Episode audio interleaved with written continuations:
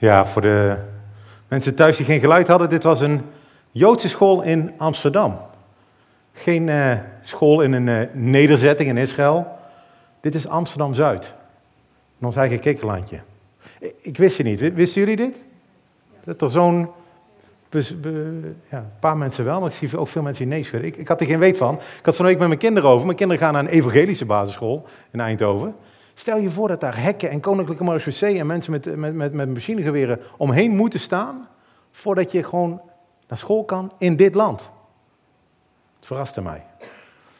Maar eigenlijk, eigenlijk had het mij niet moeten verrassen. Ik ben al een jaar door Daniel heen aan het preken. En we zullen ook vandaag zien dat het geen verrassing voor ons moet zijn dat dit soort dingen gebeuren. We zijn aangekomen in Daniel 12, had ik al gezegd, het laatste hoofdstuk van een boek waar we al een heel coronajaar mee bezig zijn. En we hebben gezien helemaal in het begin dat Daniel als, als tiener ontvoerd werd, 14, 15 jaar, afgevoerd werd naar Babylon, waar hij hard moest werken voor de koning, de koningen. Maar we hebben ook gezien hoe hij steeds weer door God gebruikt werd in die plek in Babylon. Eerst door aan de koningen te laten zien dat God God was, dat de koningen niet almachtig waren. En daarna een aantal vreemde dromen over de toekomst, zodat hij aan zijn volk kan vertellen, dit gaat er gebeuren. En het einde van het boek dus vandaag. En het einde van het boek gaat over het einde van de tijd. De hoofdstukken 10, 11 en 12 vormen één geheel. En de vorige keer hebben we al de toekomst van Daniel gezien. Hè? Het, het Perzische Rijk, Alexander de Grote bij de Grieken, Antiochus. Allemaal dingen die voor ons geschiedenis zijn, maar voor Daniel vooruitkijken waren, was. En nu gaan we naar een tijd die ook nog voor ons komen gaat. De eindtijd. De eindtijd. En zoals altijd heb ik drie punten. De eerste is, wat, wat gaat er gebeuren in die eindtijd? Wanneer gaat dat gebeuren? Dat is gevaarlijk, hè? En de derde natuurlijk, hoe, hoe gaan we daarmee om? Hoe gaat, wat kunnen we van Daniel leren? Wat dat betekent voor ons leven nu. Maar we gaan eerst lezen wat er gaat gebeuren. Vers 1. In die tijd zal Michael opstaan, de grote vorst. Hij wordt ook al aartsengel genoemd in het Nieuwe Testament. Hij die uw volksgenoten bijstaat. Het zal een benauwde tijd zijn, zoals er niet geweest is sinds er een volk is geweest tot op die tijd. God stuurt Michael, een grote vorst, een engel, een aartsengel, een geestelijk wezen. En hij stuurt Michael naar de volksgenoten van Daniel, de Joden. Want zij hebben zijn hulp keihard nodig. Het zal een benauwde tijd zijn, staat er hier. Jezus noemt dit de grote verdrukking. Een benauwde tijd. Niet alleen voor de Joden, maar zeker, zeker ook voor de Joden. En dan lezen we die verschrikkelijke zin. Een tijd zoals er nog nooit eerder op de wereld geweest is. En we weten al van de vorige hoofdstukken hoe verschrikkelijk de Joden het gehad hebben. De Perzen wilden de Joden vermoorden. Toen was er Esther, die heeft, heeft haar volk gered. De Grieken wilden de Joden vermoorden. Antiochus is overleden, maar er zijn heel veel Joden vermoord. Als we de geschiedenisboeken overslaan. Nero wilde de Joden vermoorden. Hitler wilde de Joden vermoorden. Stalin wilde de Joden vermoorden. Ik weet niet of jullie het begrip pogrom kennen. Dat is een, een woord wat betekent vervolging. Maar het is een Joods woord. Het is echt geen over Jodenvervolging. En als je op Wikipedia de lijst kijkt met alle pogroms in de geschiedenis, specifiek gericht op het Joodse volk. Dat is gewoon onvoorstelbaar. En het erge is, ik kan hier wel staan en, en allemaal wijzen naar die slechte mensen. Hè? Die Hitler, hè? die is zo slecht, en, en, en Nero en, en Antiochus. Maar het feit is, de christelijke kerk heeft hier aan meegedaan. Het feit is, in Nederland zijn meer Joden op transport gegaan, procentueel, en afgevoerd en vernietigd in vernietigingskampen, dan ieder ander land in, in Europa. In België was het voor mij 20 en in Nederland was 75 procent. Dat is echt verschrikkelijk. Wij gaan niet vrij uit hier. En hier staat dat het nog erger gaat worden. Als het einde dichterbij komt, zal de haat en het geweld tegen de Joden alleen maar toenemen. En daarom had ik niet zo verwonderd moeten zijn over die, die Joodse geiderschool daar in, in, Amsterdam. En daarom moeten we ook niet verwonderd zijn als we het nieuws open doen, of, of programma's op televisie kijken of onze Twitterfeed openen. En we zien het antisemitisme toenemen.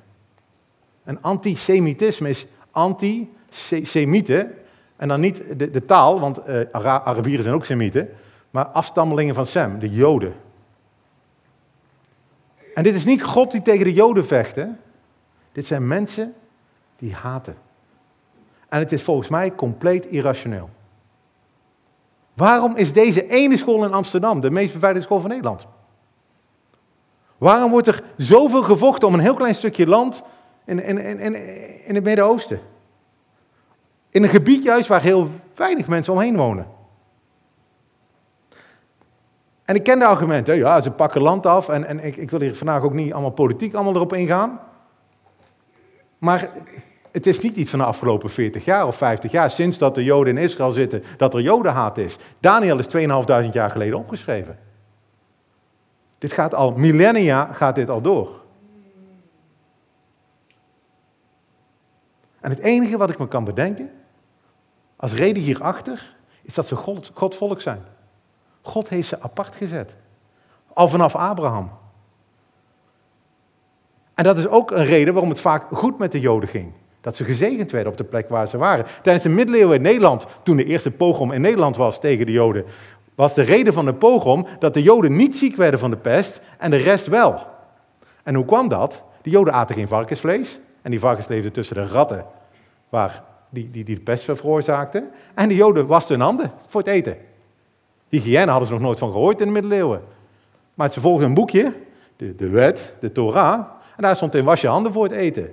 Maar vervolgens worden zij beschuldigd dat ze de drinkputten van de niet-Joden uh, met de pest hadden besmet. Of, uh, dat soort ideeën komen dan naar boven. Want één volkje wordt niet ziek en het andere volkje wordt wel ziek. Dan zal dat volkje wel iets slechts gedaan hebben. Zelfs hier in Nederland. Maar God heeft een belofte gedaan aan Abraham. En via Abraham ook aan ons vandaag. Hebben we van de week ook trouwens bij, uh, bij Growing Together over gelezen. Dat God een plan heeft met het volk. Dat God het volk wil zegenen voor ons. En dat heel de wereld door dit volk gezegend wordt. En dat heeft God al gedaan. Door één man. Een Joodse man. Jezus Christus. Die voor ons gestorven is. Maar, maar God doet meer. Hij gaat namelijk ook zijn volk redden in die eindtijd. Lees maar mee. In die tijd zal uw volk ontkomen. Ieder die gevonden wordt opgeschreven in het boek. Het volk zal ontkomen. Dus ook al wordt het verschrikkelijk, ook al zullen er duizenden, misschien wel miljoenen, misschien nog wel meer mensen vermoord worden, ook al komt er een vreselijke verdrukking, God zal ze redden. En niet alleen de mensen die dan leven, maar ook de doden.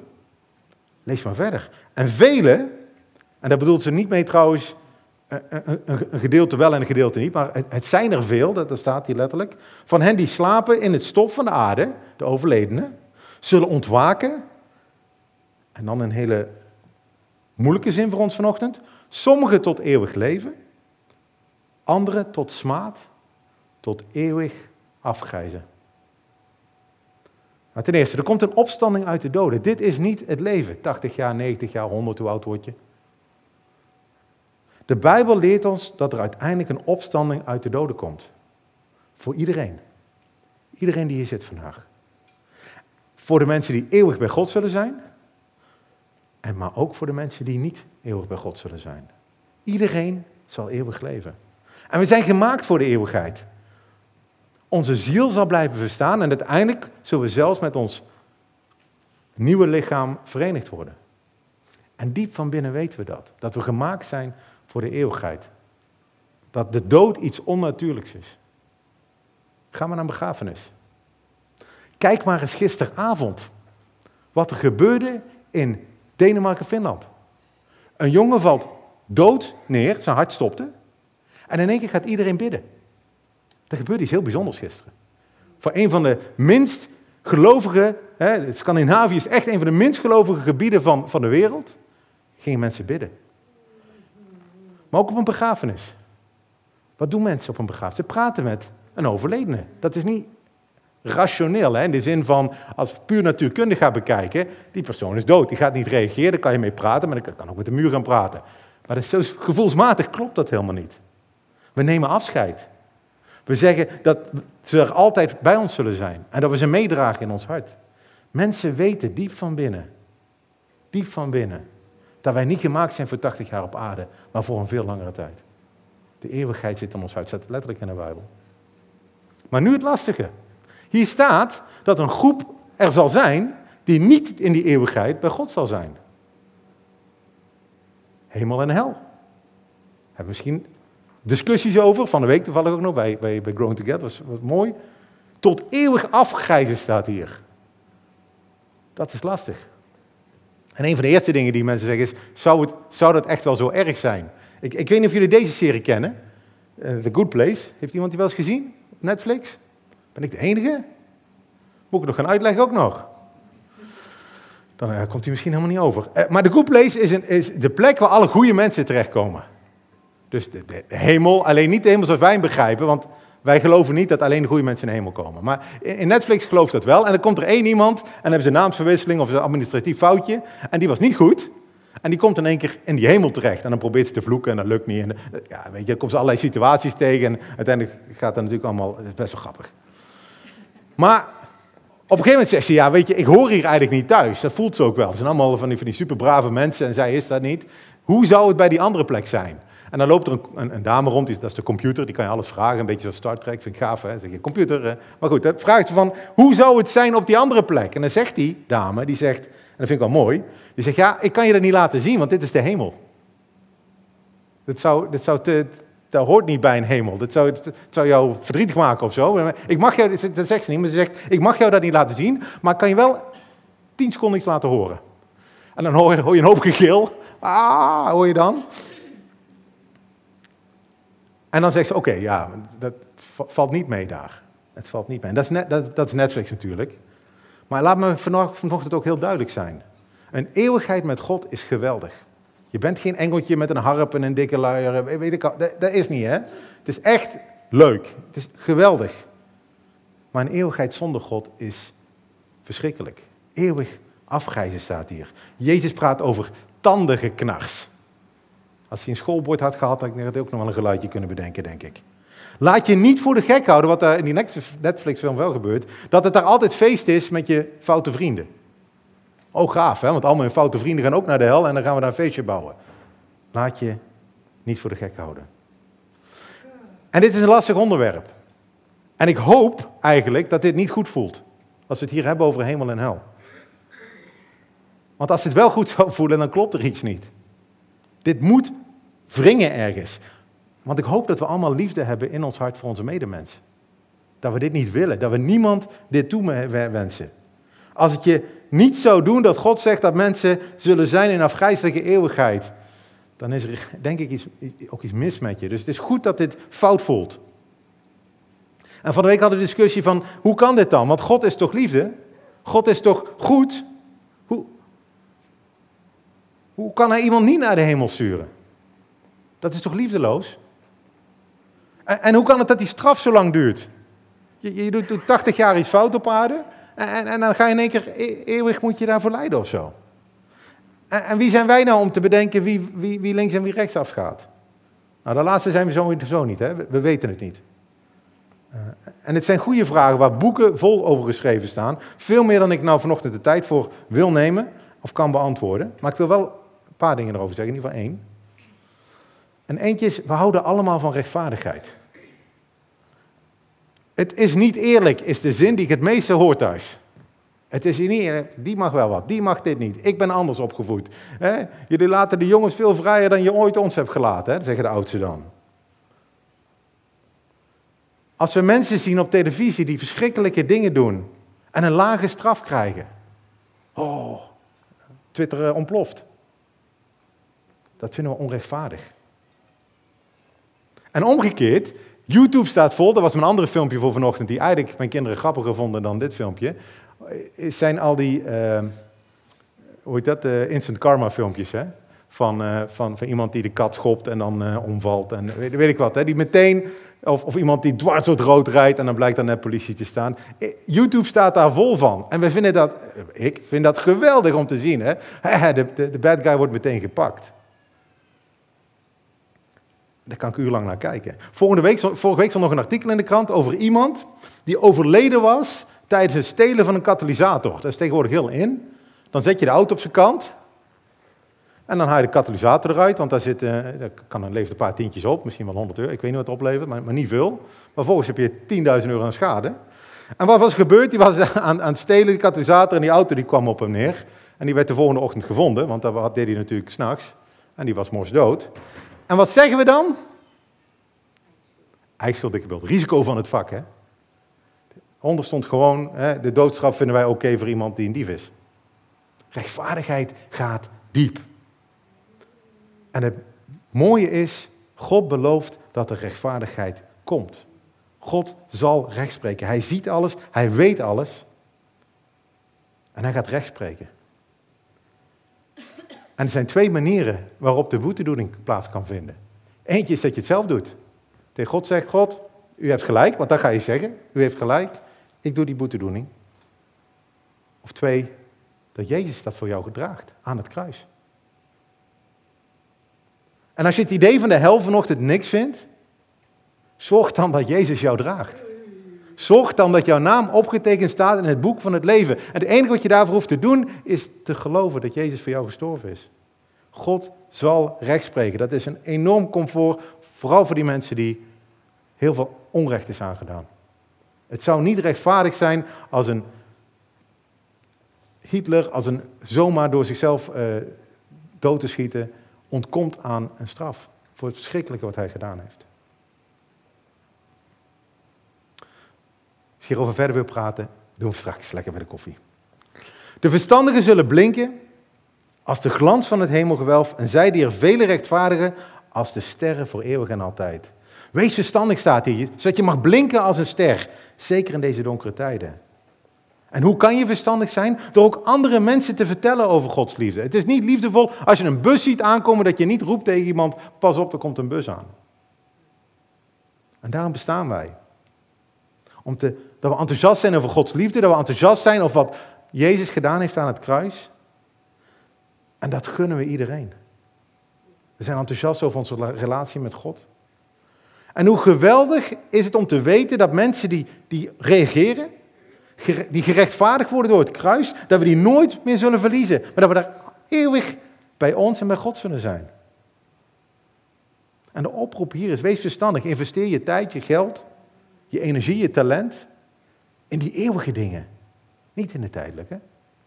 Want dan kan je er ook eeuwig van genieten.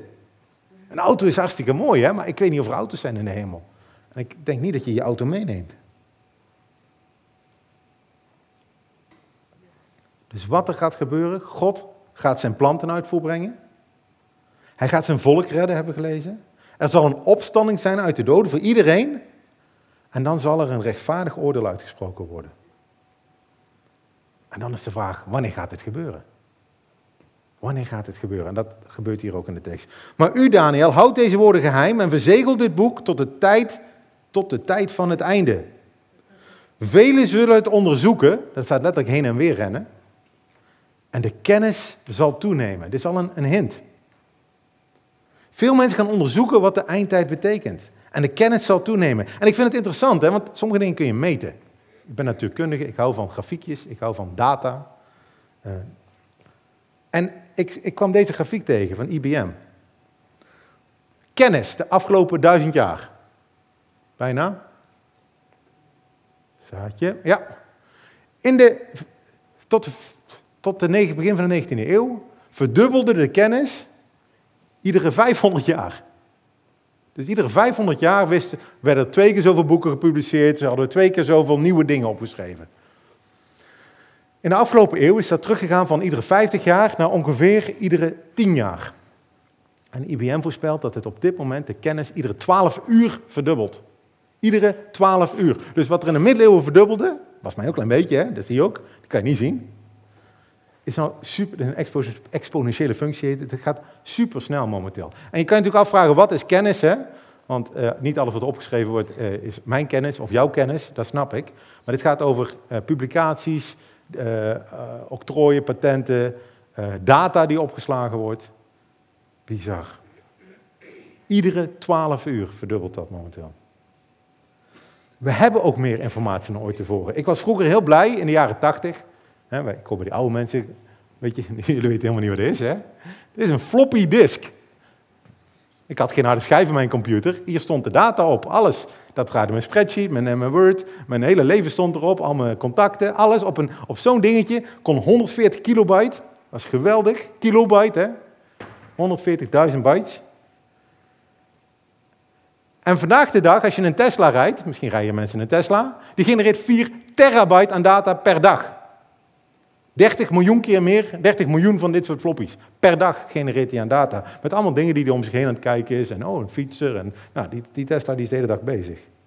Google weet meer over jou dan jij zelf weet. Er zijn artikelen van mensen die op een gegeven moment advertenties kregen over uh, zwangerschapsproducten. En boos werden. En achteraf bleek dat die wel zwanger waren.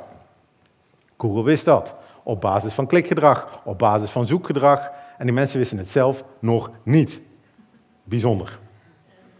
Google weet veel meer over zelf. Apple ook trouwens, hè. maak je geen illusies dat dit alleen maar voor Android-gebruikers is. De kennis neemt enorm toe. En dat staat hier ook.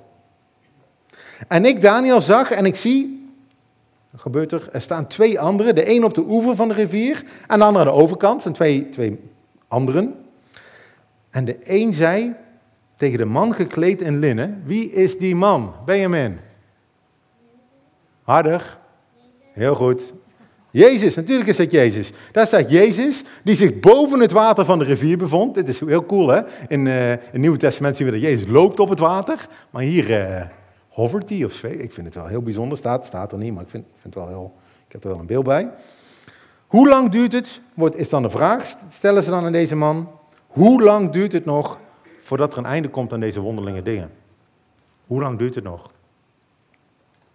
De vraag die ik hopelijk over een paar weken weer krijg vanaf de achterbank. Hoe lang duurt het nog? En dat is natuurlijk niet raar. Het is ook niet raar dat Daniel zich deze vraag stelt. Want Daniel zit natuurlijk ook al 70 jaar gevangen in, in Babylon. Die weet dat een aantal volksgenoten al teruggaan naar, naar Israël om een tempel te bouwen. Hij vraagt zich, wanneer gaat dit gebeuren? En toen hoorde ik de man gekleed in linnen die zich boven het water van de rivier bevond. En hij hief zijn rechter en zijn linkerhand op naar de hemel. En hij zwoer bij hem die eeuwig leeft. Hier is Jezus die zweert bij God. Dat zien we nergens anders terug. En wat zegt hij? Hij zegt na een vastgestelde, een vastgestelde tijd, vastgestelde tijden en een helft. Wanneer hij een einde aangemaakt zal hebben om de macht van het tijdige volk stuk te slaan, zal aan al deze dingen een einde komen. En Daniel zegt, ik echter, ik hoorde het, maar ik begreep het niet. Daniel begrijpt het niet. En ik denk dat het te makkelijk is om hier te staan en te zeggen, oh, maar, ik wel. Of wij wel. Er zijn ontzettend veel theorieën die hierover gaan. En ik denk dat we heel voorzichtig moeten zijn met zekerheden over deze tijd. Daniel spreekt hier over een tijd, tijden en een halve tijd. Dat kan ik even niet mijn vingers doen. De meeste mensen denken, dit gaat over 3,5 jaar. Een tijd, een jaar, tijden, twee jaar, is drie en een halve tijd. Ook omdat je in andere delen van de Bijbel dit hoort. Zometeen lezen we ook het aantal dagen, dat komt ook overeen met die 3,5 jaar. Um, maar wat voor mij duidelijk is uit deze tekst, is er komt een verdrukking. Er komt een, een verdrukking zoals nooit tevoren, een verschrikkelijke tijd. Maar het mooie nieuws is, het is eindig. Er komt een einde aan. En de gelovigen, de Joden, maar ook de gelovigen zullen niet ten onder gaan. Nou, moet ik één grafiekje laten zien. Dit is voor de mensen die, uh, die heel veel met dit soort dingen bezig zijn misschien. Er zijn heel veel theorieën over eindtijd. En ik denk dat ik even wel iets moet toelichten. De meeste, de meeste christenen geloven, we hebben nu een tijd waarin we leven, de kerktijd. En er komt een keer een duizendjarig vrederijk en dan komen, komt de eeuwigheid. De vraag is nu, wanneer vindt die verdrukking plaats? Nou, dan zijn er weer een hoop mensen die denken dat gebeurt voor dat duizendjarige vrederijk. Nou, dat klinkt me ook nog logisch. En dan heb je nog drie varianten, en hier wou ik het hierop op zeggen, want ik denk dat het belangrijk is om dat te zeggen. Sommige mensen denken, en dat is uh, grafiekje 1, dat de kerk voor de verdrukking weg is. Dus dat op één dag komt Jezus terug, wij zijn weg. En dan begint die verdrukking pas. Het mooie van die mensen is, die zitten nou die zijn iedere dag bezig met, komt Jezus vandaag, komt Jezus vandaag. En eh, kennis neemt toe en er zijn wel duizend andere tekenen waar je kan zeggen, nou, dat, is, gaat niet heel lang meer duren. Het nadeel voor deze groep is, als ze het mis hebben en ze komen wel in die verdrukking terecht, dan zijn ze heel teleurgesteld of misschien zelfs bang. Van hé, hey, ik hoor niet bij die groep die nou in één keer weg is gegaan. Nou, dan zijn er ook andere groepen die denken dat het eh, drie, na 3,5 jaar is. Ik denk dat dit de laatste 3,5 jaar zijn. Dan krijg je meer het onderste plaatje misschien. dus er komt de verdrukking, die is eindig. En na die verdrukking begint het, komt Jezus terug en dan is het uh, duizend jaar vrederijk. Weet je, je mag hierin geloven wat je wil. Onderzoek het vooral. Ehm, het belangrijkste is wel, stel dat je ernaast zit met plaatje 1. Wees niet gealarmeerd als je toch door een verdrukking heen gaat, dat er een lastige tijd komt. Ik denk dat het wel heel belangrijk is om dat mee te nemen. En weet dan deze woorden van Daniel, die lastige tijd zal niet eindeloos zijn. Drieënhalf jaar. En Daniel krijgt niet meer informatie dan deze. Hè? Hij zei, ik zei, zegt Daniel, mijn heer, wat zal het einde hiervan zijn? En toen zegt Jezus, ga heen Daniel, want deze woorden blijven geheim en verzegeld tot de tijd van de einde. Ze blijven geheim. Pas als Jezus komt, 500 jaar later, geeft hij iets meer informatie. Krijgen ook vrienden van hem openbaringen over die, die eindtijd.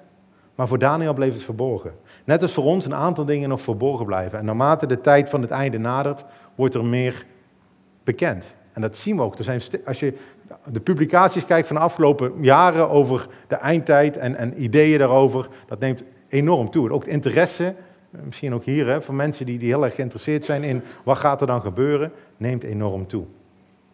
De vraag is, wat moeten wij nu? Wat moeten we doen met deze informatie? Hoe moeten we dan leven vandaag? En ik vind dat ook een heel mooie vraag na een jaar Daniel met alle mysteries en beesten en koningen en alles wat we langs hebben zien komen. Wat moeten we ermee? Wat kunnen we ermee? Nou, laten we eens kijken wat Daniel ermee moest doen. Er wordt nog iets verteld over de toekomst. Velen zullen gereinigd worden in die tijd, zuiver wit gemaakt en gelouterd worden. Gelouterd is hè, eh, eh, goud dat door het vuur gaat. Hè. Dat wordt, wordt gloeiend heet en wordt puurder daardoor. De goddelozen zullen goddeloos handelen.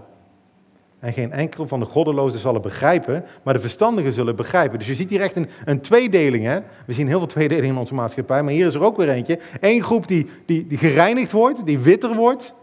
En eigenlijk een groep die donkerder wordt die, die, die goddeloos gaat handelen, die, ja, die ook niet begrijpen wat er gebeurt.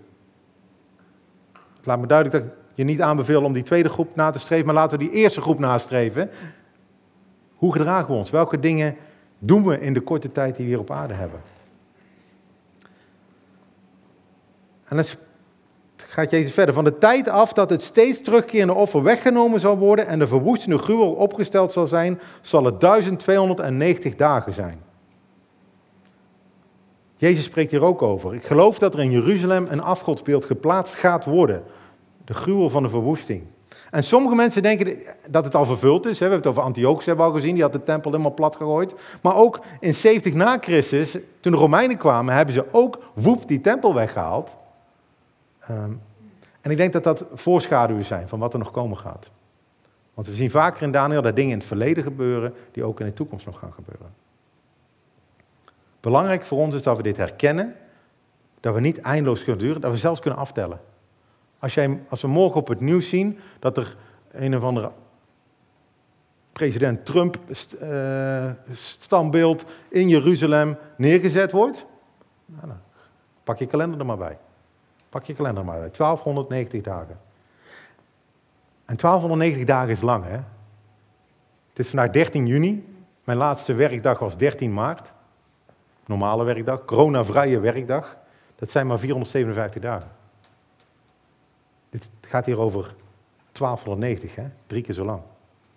Ik zat te kijken van de week hoe lang de vernietiging in eh, Auschwitz gebeurd heeft. Vanaf de eerste tot de laatste. Dat is ongeveer 3,5 jaar. 6 miljoen Joden vermoord. 3,5 jaar. Dus het is echt, het is, ik wil daar niet licht over doen. Hè. Je, je weet dat het einde komt, maar het, het, is, het is echt een lange periode.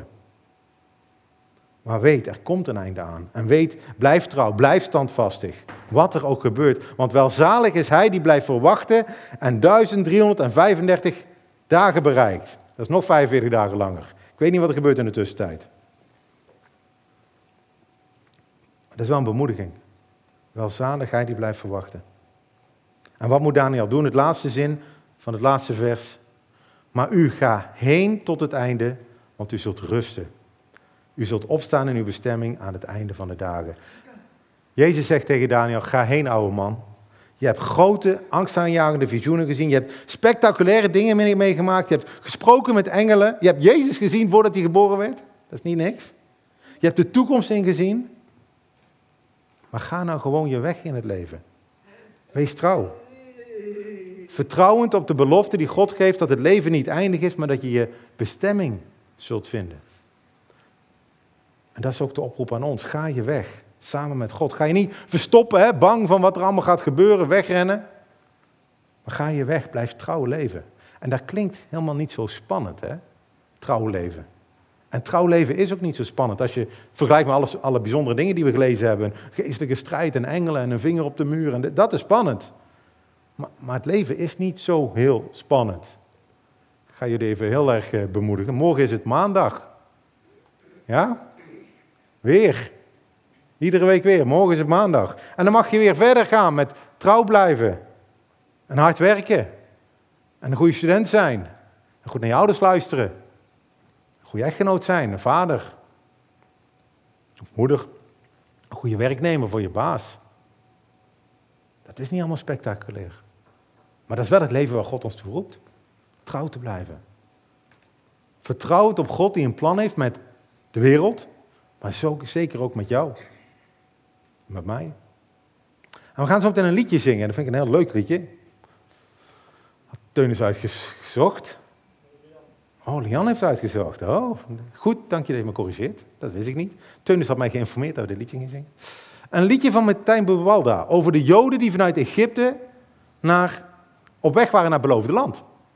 Maar uiteindelijk niet naar binnen mochten te staan aan de rivier. Ze mogen hem niet oversteken. En 40 jaar lang lopen ze rond in een woestijn. En hun kinderen en hun kleinkinderen mogen uiteindelijk de rivier wel oversteken. En Martijn maakt eigenlijk de vergelijking met ons leven. Dat wij ook leven in een woestijn. Soms, soms is het niet allemaal uh, geweldig, soms wel. Vaak is het asfalt, zinkt die. Soms is het neonlichten. En in onze, onze reis komen we soms aan bij die rivier en dan moeten we afscheid nemen van geliefden die wel die oversteek mogen maken en wij nog niet. Met traan in onze ogen zingt hij, maar de hoop in onze rug. De hoop dat wij op een dag ook die oversteek gaan maken. En onze geliefdes weer terugzien. De hoop dat dit leven niet alles is, maar dat we gemaakt zijn voor de eeuwigheid. En ook die eeuwigheid met elkaar en met God mogen besteden. En de oproep hier is: laten we in dat licht wandelen. Zoals Daniel dat deed. Dicht bij God. Probeer te schijnen als lichtpuntjes hier op aarde.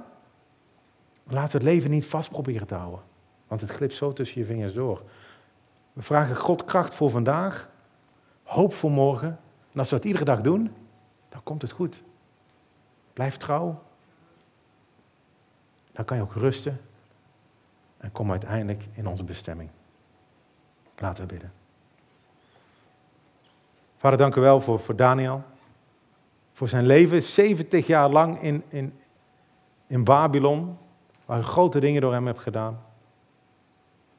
Heer, maar dat u hem toch op het einde van zijn leven zegt, ga heen en, en rust. Alles komt goed. En ik hoop ook, Heer, ook dat wij, ook al weten we niet precies hoe de toekomst eruit gaat zien, weten we niet of Jezus morgen terugkomt of, of, of pas over een aantal jaar.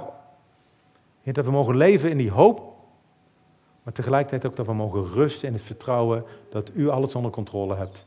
U van ons houdt en u ons vasthoudt. Heer, geef ons kracht, iedere dag weer. En vooral kracht voor vandaag.